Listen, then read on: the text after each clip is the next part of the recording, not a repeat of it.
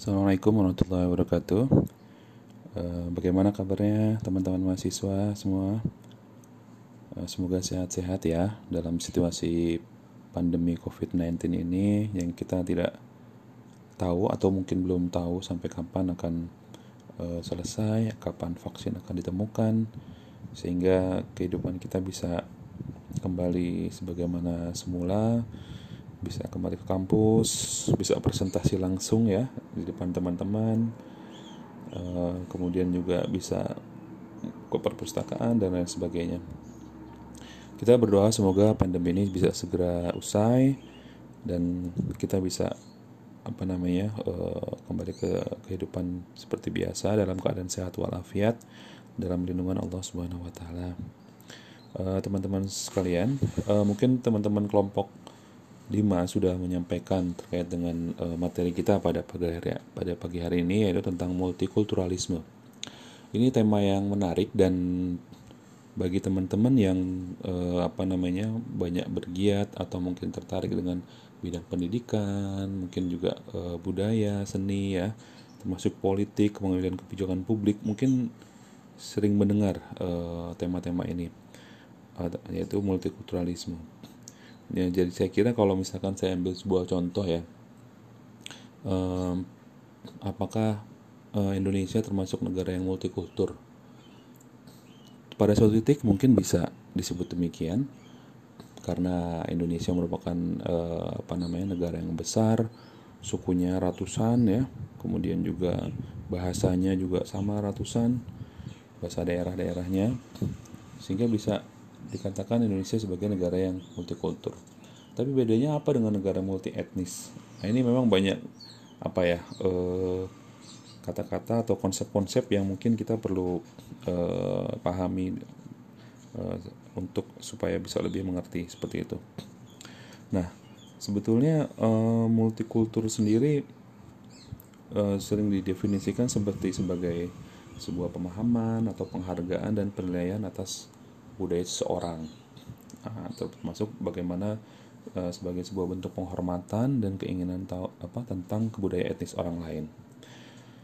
Nah, ini berbeda dengan uh, pandangan orang yang sering kali memandang bahwa plurikulturalisme ini akan mem, apa beranggapan menganggap semua budaya itu sama. Seperti itu. Nah, ini ada definisi lain, misalkan multikulturalisme itu meliputi sebuah penilaian terhadap budaya-budaya orang lain Nah, ini bukan dalam arti menyetujui seluruh aspek budaya tersebut, melainkan mencoba melihat bagaimana sebuah budaya yang asli dapat mengekspresikan nilai-nilai bagi anggota-anggotanya sendiri, seperti itu. Nah, artinya sebetulnya saya pernah menyampaikan di kuliah pertama kita ketika eh, apa ya eh, teori kritis itu ingin mencoba mendengar kelompok lian atau the others karena selama ini kalau yang pemahaman positivis ya kan itu dia menganggap semua objektif semua dianggap sama universal sehingga tidak membuka kemungkinan untuk memberi kesempatan bagi apa namanya eh, kelompok-kelompok lain di luar yang tadi yang di luar yang objektif dan universal tadi eh, atau meta narasi disebutnya sebagai meta narasi itu ya narasi besar gitu. Sehingga narasi-narasi kecil misalkan suku minoritas, etnis minoritas, kelompok minoritas, mungkin agama minoritas itu tidak bisa menyampaikan uh, suaranya atau menampilkan kebudayaannya misalkan seperti itu. Nah, bisa dia katakan kalau misalnya kita kembali ke teori kritis yang di masa Frankfurt itu kita mungkin melihat ada di generasi ketiga ya eh, sosok pemikir namanya Axel dia menyatakan bahwa ya ada perspektif yang penuh dengan keberagaman sehingga kita bisa memberikan satu pengakuan gitu politik pengakuan gitu kepada kelompok yang lain tadi seperti itu.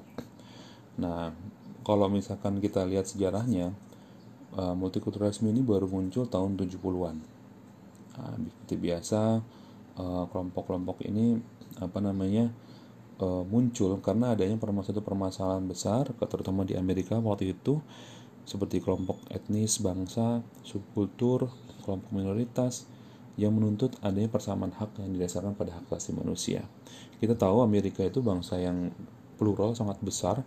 Di sana selain ada yang sering disebut sebagai kelompok kulit putih, di sana ada juga kelompok Latinos, Latinos yang umumnya berasal dari Amerika Latin atau Amerika Selatan, kemudian bangsa Afrika yang dulu pada orang apa pada zaman uh, perbudakan sebelum Abraham Lincoln presiden mereka dibawa dari Afrika. Mereka dijual ke sana. Biasa mereka dari, dulu awal-awal dari Afrika Barat dibawa ke Amerika untuk menjadi budak budak di perkebunan. Seperti itu. Kalau di Australia ada suku aborigin juga ya yang dia secara lebih bawah minoritas yang dia ingin mengakui uh, haknya sebagai uh, sebuah bangsa Nah, ini menarik sebuah bangsa, bangsa di tengah bangsa gitu. Ada bangsa aborigin. Dan terakhir setahu saya tahun 2007 untuk kasus aborigin itu pemerintah Australia akhirnya mengakui hak politik uh, atau hak mereka dan bahkan mengajukan permintaan maaf atas uh, perlakuan nenek moyang orang Australia sekarang gitu ya kepada uh, eh, orang aborigin asli. Yang sesungguhnya dia penduduk asli dari Australia. Yang ribuan tahun sudah ada di sana. Bahkan sebelum kedatangan eh, pelaut dari Eropa waktu itu mereka sudah berdagang berinteraksi dengan pelaut-pelaut dari Makassar gitu. Mereka dulu berjualan tripang ya seperti itu. Termasuk di Indian gitu. Sekarang uh, kita tahu Indian juga uh, di, kalau di Amerika ya suku Indian ini dia sama dengan aborigin mereka tertindas kemudian juga uh, tidak memiliki haknya sam sampai kemudian sekarang mereka mungkin lebih agak lebih longgar apa namanya karena mereka, mereka bersama kelompok-kelompok minoritas lain mereka mengajukan tuntutan untuk persamaan hak. Nah, sebelum uh, ada kebijakan multikulturalisme ini di Amerika, dulu ada ada ada kebijakan yang dinamakan dengan yang berdasarkan teori dari melting pot Nah, tim melting pot ini artinya apa? Uh, semacam wadah gitu ya, pot gitu, tempat meleleh. Nah, melting kan meleleh kalau istilahnya gitu. Jadi satu tempat wadah Amerika sebagai suatu tempat yang menekankan penyatuan budaya atau melelehkan budaya asal sehingga seluruh imigran Amerika itu hanya punya satu budaya yaitu budaya Amerika kayak gitu. Ini teorinya dari uh, Hector ya. Nah, jadi budaya baru atau budaya Amerika tersebut biasanya merujuk pada satu bentuk yang satu atau monokultur. Nah, yang umumnya diwarnai sebagai kultur uh, kulit putih. Jadi atau ada istilahnya uh, WASP atau WASP ya. White Anglo-Saxon Protestant. Jadi kulit putih Anglo-Saxon itu nama apa ya nama istilahnya apa kalau dalam biologi itu nama asal uh, etnis ya kalau nggak salah di Eropa dan juga Protestan umumnya beragama Protestan seperti itu. Nah namun ketika komposisi etnis Amerika makin beragam, budaya makin menyemuk, banyak imigran datang dari Eropa apalagi setelah Perang Dunia ke-1, setelah Perang Dunia kedua, jauh sebelum itu sebetulnya kan kalau kita lihat histori Amerika kedatangan orang-orang kulit putih kami itu kan setelah terjadi apa ya eh, kericuhan atau perang di Eropa antara eh, kalau tidak salah antara Katolik Protestan sehingga orang Protestan banyak eh, migrasi ke, ke Amerika itu jauh pada abad-abad 16 atau 17 seperti itu. Nah, teori melting pot ini ternyata mendapat kritik dari Hector gitu karena dia kemudian ada yang mengajukan ada teori alternatif namanya salad bowl. Salad bowl ini kalau ini istilahnya mangkok salad ya. Kita tahu kalau salad itu dicampur aduk kan ya.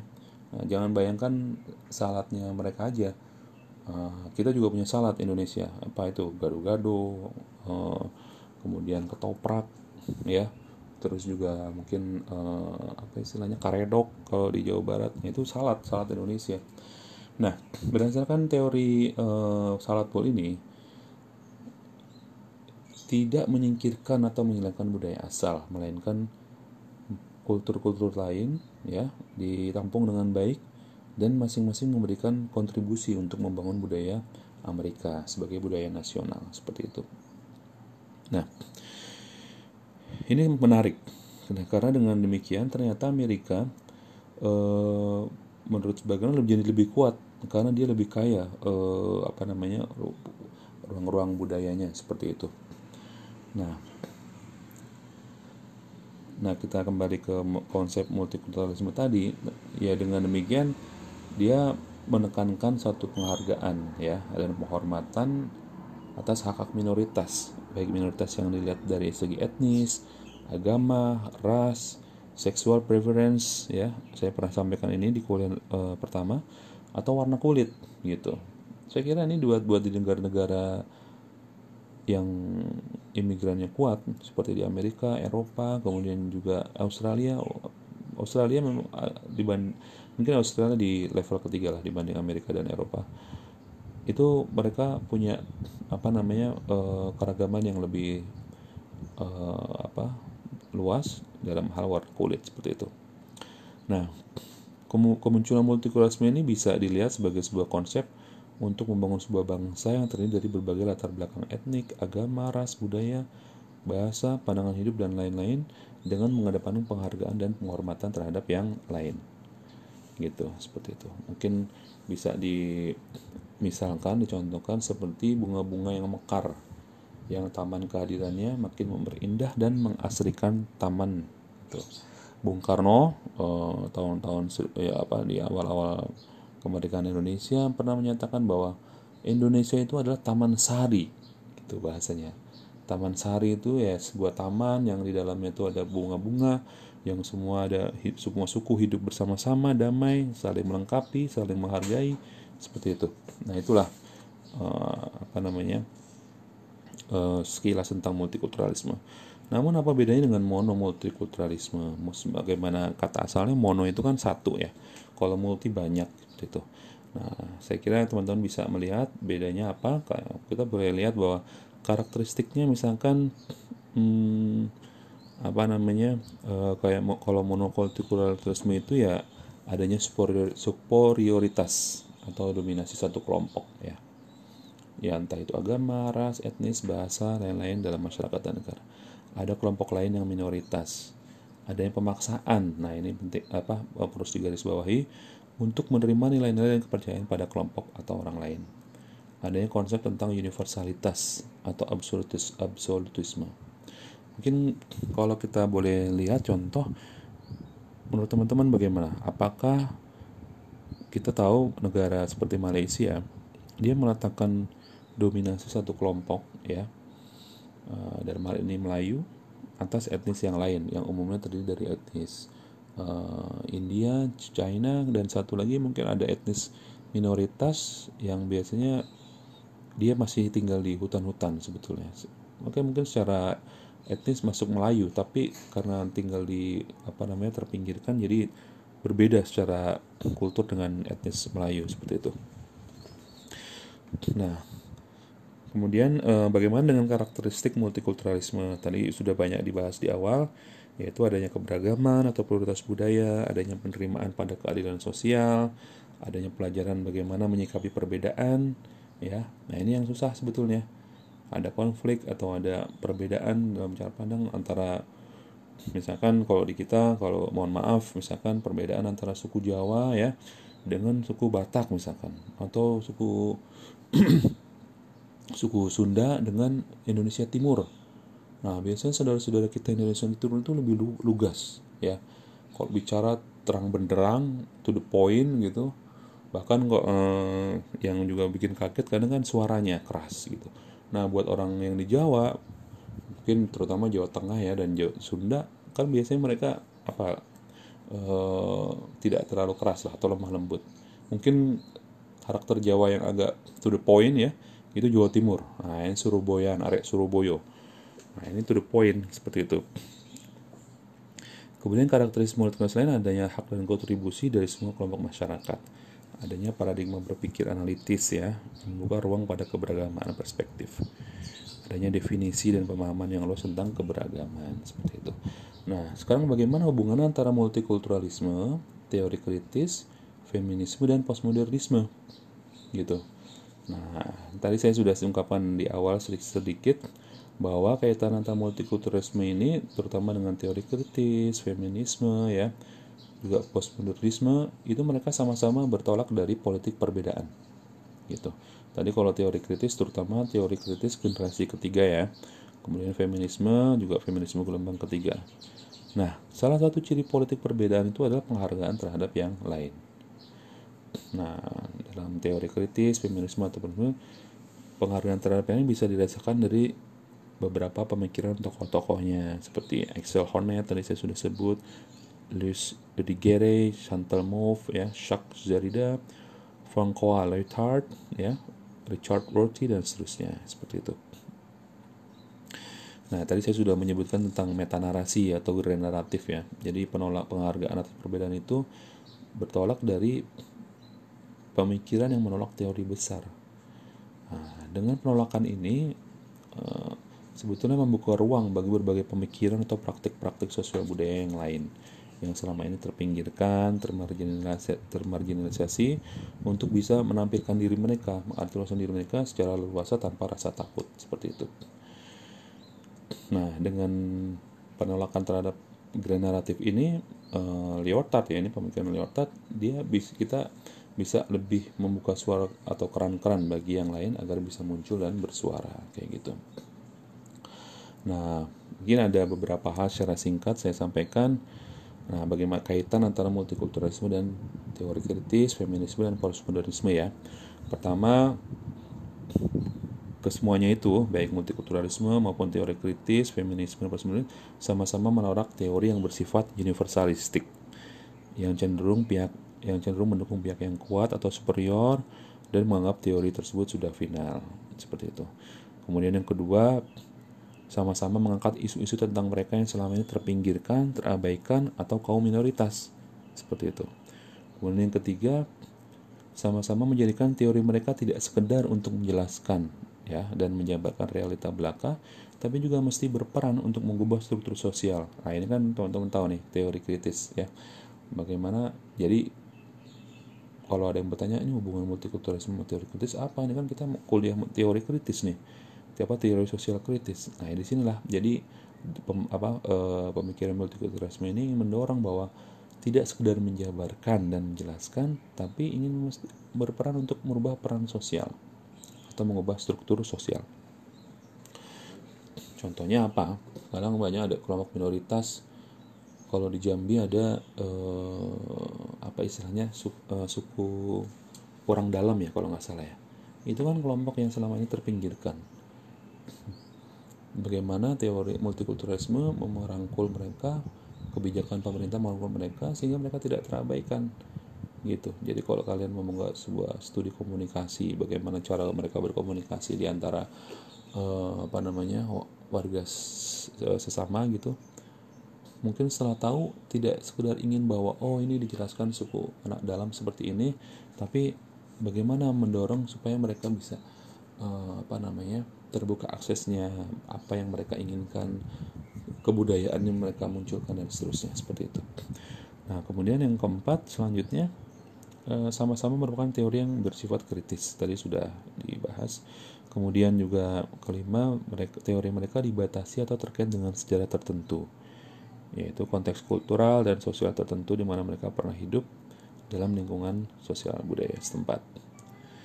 Nah, yang keenam yang terakhir sama-sama menghargai perbedaan dan prinsip yang memungkinkan hidupnya keanekaragaman ya dan perbedaan itu seperti prinsip-prinsip dan nilai keadilan, toleransi, solidaritas, keterbukaan, ada dialog ya, politik perbedaan dan hak-hak sipil. Seperti itu. Nah, sekarang apa yang dimaksud dengan pluralisme kultural? Seperti itu. Nah, Tadi kalau kita di awal ada monisme kultural kan, monisme kultural yaitu suatu sikap atau pandangan yang menekankan pada keseragaman atau ketunggalan budaya. Ya, yang tidak mempertimbangkan atau mengabaikan peran kebudayaan dalam membentuk identitas individu serta masyarakat. Jadi dia hanya satu gitu. Nah, sementara pluralisme kultural itu kebalikan dari monisme kultural. Monisme pluralisme kultural itu suatu sikap ya yang menekankan pada keberagaman atau keanekaragaman kultural. Seperti itu. Nah, ada ke keberagaman atau keberagaman budaya itu kan bisa hadir dalam kehidupan sehari-hari ya dalam kehidupan sosial budaya dan seterusnya seperti itu. Nah sekarang bagaimana dengan eh, apa namanya pemikiran tentang eh, politik multikulturalisme? Gitu. Ini menarik. Eh, politik multikulturalisme bisa dijawantakan kepada dua hal ya pertama melalui upaya pemberian ruang bagi yang lain ya identitas yang berbeda identitas atau minority group. Nah harapannya dengan beri ruang ini memungkinkan bagi entitas atau identitas yang berbeda untuk dapat tumbuh berkembang dan mengartikulasikan dirinya tanpa rasa takut atau tertekan. Maka praktek pembatasan, pelarangan, pengekangan, kemudian juga diskriminasi e, terhadap kelompok lain itu amat ditolak ya dan tentang keras dalam politik multikulturalisme.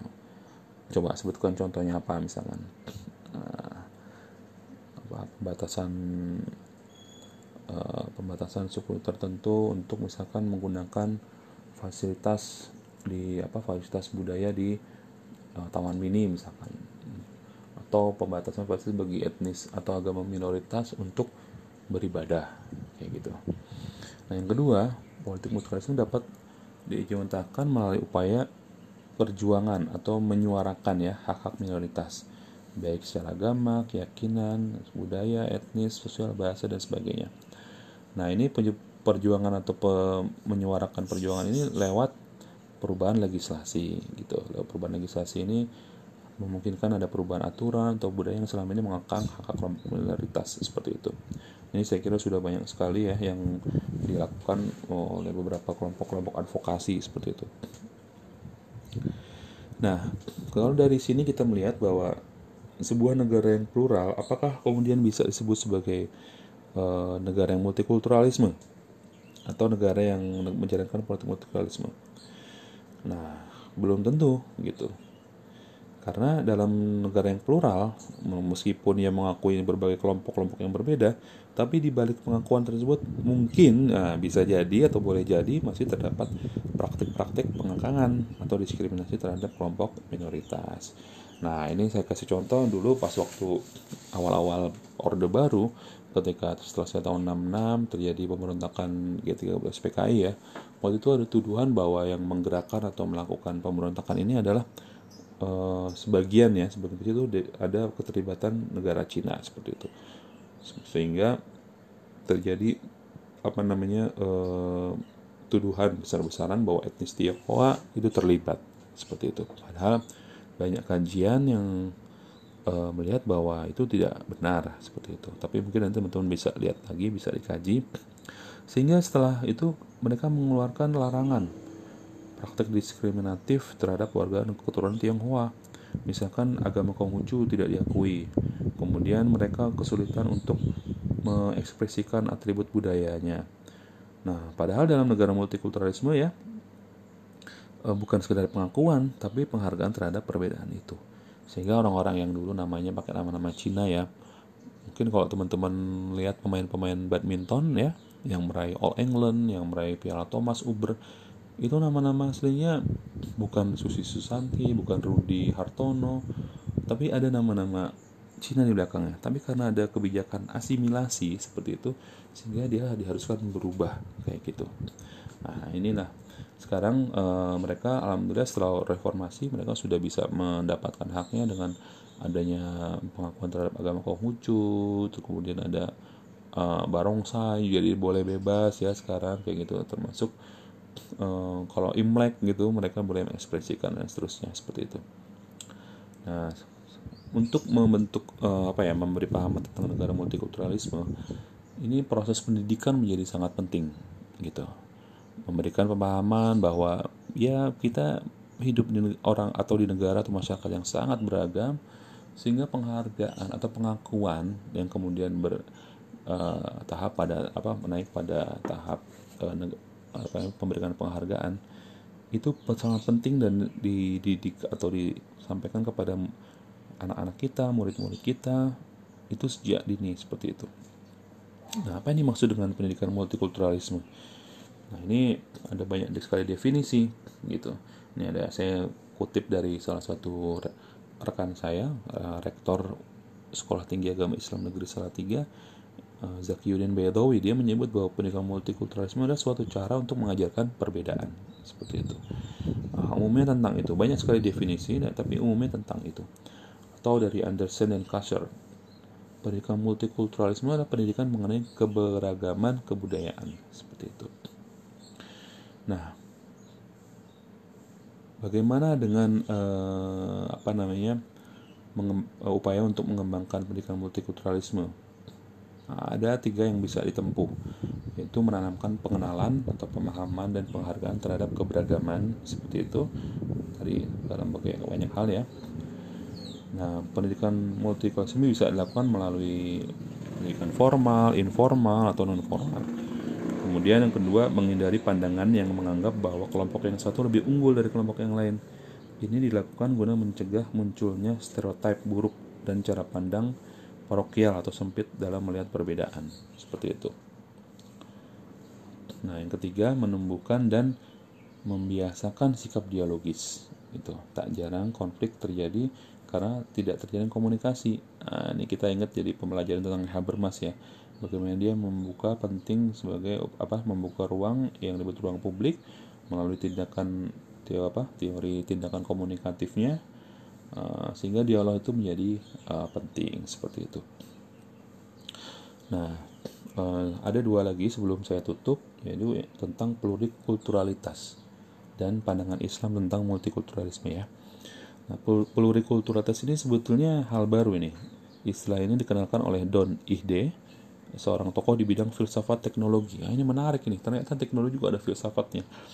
Dan ini satu ruang yang masih kosong kalau teman-teman berminat mendalami. Nah, men menurut Ihde, plurikulturasi itu suatu bentuk dari budaya multikultural ya. Jadi ini ini bagian dari multikultural gitu yang timbul sebagai dampak dan pengaruh penggunaan teknologi yang tinggi dewasa ini sehingga menjadi bagian dari kehidupan keseharian kita. Nah, kita tahu sekarang teman-teman uh, lahir di tahun-tahun 90 ya, sehingga sekarang sesungguhnya teman-teman ini adalah digital native istilahnya, masyarakat digital yang tumbuh mungkin dalam uh, dan ada berseloroh mungkin ketika lahir sudah megang HP kira-kira seperti itu. Kalian lebih tahu dibanding generasi yang lahir tahun 60 70-an seperti itu. Uh, dia menyebut teknologi tinggi ini seperti teknologi informasi media citra ya. Teknologi citra itu ya foto televisi komputer internet. Uh, teknologi citra atau teknologi media ini atau teknologi informasi itu kan mengandalkan visual kan penglihatan baik citra yang bergerak atau gambar yang bergerak ataupun gambar yang tidak bergerak. Nah, teknologi ini mengandung keberagaman atau tidak tunggal. Nah, misalkan setiap teknologi citra atau foto memiliki kemampuan untuk membentuk gambar yang dapat membawa makna beragam sebagaimana bisa kita lihat di jumlah apa namanya siaran televisi. Nah, di sinilah yang pernah saya sampaikan bagaimana iklan-iklan itu membentuk kita atau film-film ya. Jadi tak jarang teknologi kita ini bekerja bermain pada tataran bawah sadar. Nah, tiba-tiba karena udah iklan, wah ini menarik nih beli barang ini, beli barang itu dan sebagainya kita jadi lebih konsumtif. Nah, di samping membawa ke keberagaman, teknologi citra atau informasi atau media ini mengandung ambiguitas. Nah, ya ini mengandung hal positif dan negatif. Dengan kata lain eh, teknologi ini tidak netral gitu. Karena teknologi tidak dapat dipisahkan dari manusia atau subjek atau pengguna teknologi itu. Nah, maka penting bagi apa namanya eh, bagi kita yang ini juga dilakukan oleh Hide untuk mendekonstruksi anggapan bahwa teknologi itu netral pada tataran budaya. Nah ini saya kira pemikiran juga dari teori kritis bahwa ada upaya dekonstruksi. Dekonstruksi ini mengambil dari istilah posmo ya bahwa tidak ada yang netral seperti itu. Nah bagaimana pandangan Islam tentang multikulturalisme? Saya kira sejak awal kehadiran Islam itu timbul atau tumbuh di masyarakat yang beragam. Kita ingat uh, saya contohkan waktu uh, Nabi di Madinah Nabi masuk ke Madinah atau hijrah di masyarakat yang uh, plural ya. Nah, kemudian di sana sudah ada Yahudi, di sana sudah ada kaum Ansor, di sana sudah ada beragam kelompok. Yang menariknya kemudian Rasulullah mem membangun kesepakatan dengan kelompok-kelompok yang ada di sana untuk membangun apa yang disebut sebagai namanya apa piagam chart apa piagam Madinah atau Madinah Charter seperti itu. Nah, di dalamnya ada kesepakatan untuk saling menghormati, tidak akan menyerang, seperti itu, uh, saling bekerja sama, membantu kalau misalkan dalam situasi kota tidak aman, seperti itu. Semua orang hak haknya terlindungi, tidak ada yang boleh tersakiti, seperti itu. Nah ini contoh yang oleh banyak ahli saat ini, ahli Islam, ahli hak asasi manusia, bahkan oleh eh, pemikir-pemikir Barat, ini menjadi contoh teladan yang kemudian menjadi inspirasi dari Declaration of Human Rights, Universal Declaration of Human Rights di PBB tahun 45. Nah, dalam sejarahnya Islam ketemu dengan budaya-budaya yang demikian plural ketika dari apa sudah hijrah ke Madinah atau ketika sudah pindah ke apa namanya ke dari, dari luar Arab maksud saya ke Persia ke India itu kan ketemu budaya-budaya yang beragam kan kemudian mulai masuk ke Afrika di Mesir ke Afrika Utara kemudian ke Andalusia kemudian ke Eropa ke Turki uh, sampai ke Bosnia sekarang itu Islam ketemu dengan budaya-budaya yang beragam nah, penghargaan Islam terhadap budaya yang beragam itu bagian dari surat Al-Hujurat bahwa Allah menciptakan kalian tuh laki dan perempuan berbangsa-bangsa untuk saling mengenal kayak gitu.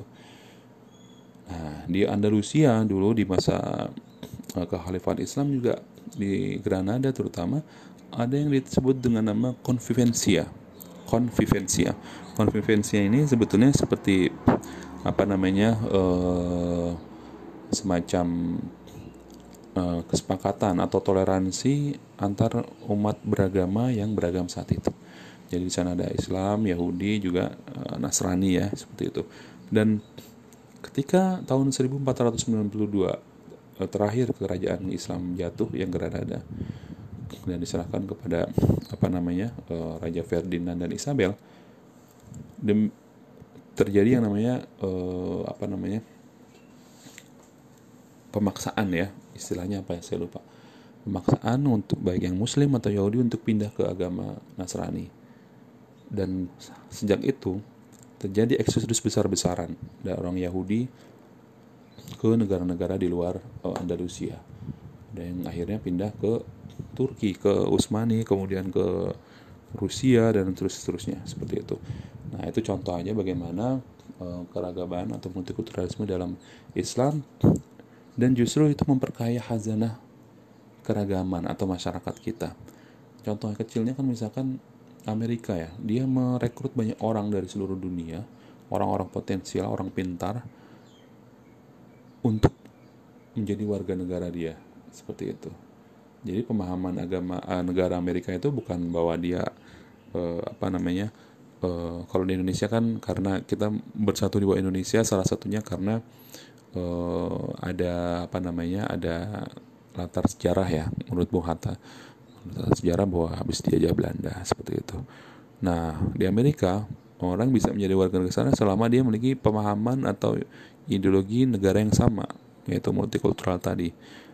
Contohnya ketika setelah Perang Dunia Kedua, Amerika me, apa namanya bahkan sebelum Perang Dunia Kedua yaitu ketika Einstein termasuk yang berdiri sekolah mazhab Frankfurt itu banyak ditarik ke Amerika seperti itu ya mungkin awalnya mereka bukan jadi warga negara ya karena ketika itu banyak yang mazhab Frankfurt itu balik lagi ke Jerman seperti itu. Tapi kalau kayak Einstein karena mungkin dia terancam oleh Hitler dia menjadi warga negara sehingga kemudian dia yang membentuk atau membuat teori atau bom atom seperti itu. Termasuk uh, tawanan dari uh, apa namanya seorang ahli nuk uh, ahli roket dari Jerman von Braun yang dia tadinya mau menyerang membuat apa bom uh, rudal untuk menyerang Inggris itu udah luar biasa banyak sekali dan termasuk cita-citanya itu dia ingin membuat roket ke bulan nah ketika perang dunia usai dia dan timnya itu dibawa ke Amerika semuanya sehingga kemudian tahun 61 Amerika bisa mencapai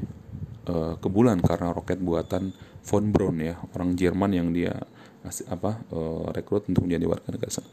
Oke, demikian uh, sekedar pengantar kuliah multikulturalisme semoga bermanfaat. Uh, selamat berpuasa, jaga kesehatan ya, uh, jaga jarak, pakai masker. Semoga kita semua sehat. Terima kasih. Assalamualaikum warahmatullahi wabarakatuh.